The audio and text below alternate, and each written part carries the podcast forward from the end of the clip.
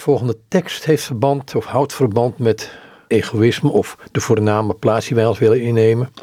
Het is een tekst van Franciscus van Assisi. Het komt uit de regel.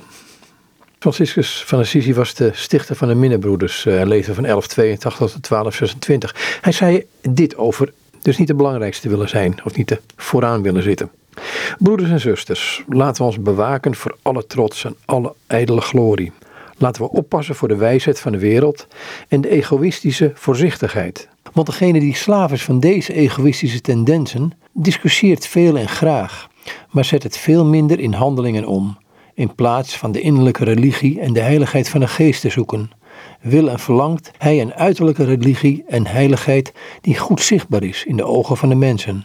Tegen hen zegt de Heer: Waarlijk, zij hebben hun beloning al ontvangen. Degene die daarentegen de geest van de Heer navolgt, wil dit egoïstische vlees versterven en vernederen. Hij legt zich toe op de nederigheid en op het geduld, op de zuivere eenvoud en de ware vrede van de geest. Wat hij altijd en overal wenst, is de vrezen Gods, de wijsheid van God en de liefde van God, Vader, Zoon en Heilige Geest. Laten we alle bezit aan de Allerhoogste en Machtigste Heer God teruggeven. Erkennen dat alle goederen Hem toebehoren. Laten we Hem de genade voor alles teruggeven omdat alle goederen uit Hem voortkomen. Dat Hij, de hoogste en machtigste God, de enige ware God, verkrijgt wat men Hem geeft. Dat Hij alle eer en respect ontvangt, alle lof en zegen, alle erkenning en alle glorie, want alle goederen zijn van Hem. Hij is de enig goede. Al dus Franciscus van Assisi, uit de regel van de minderbroeders.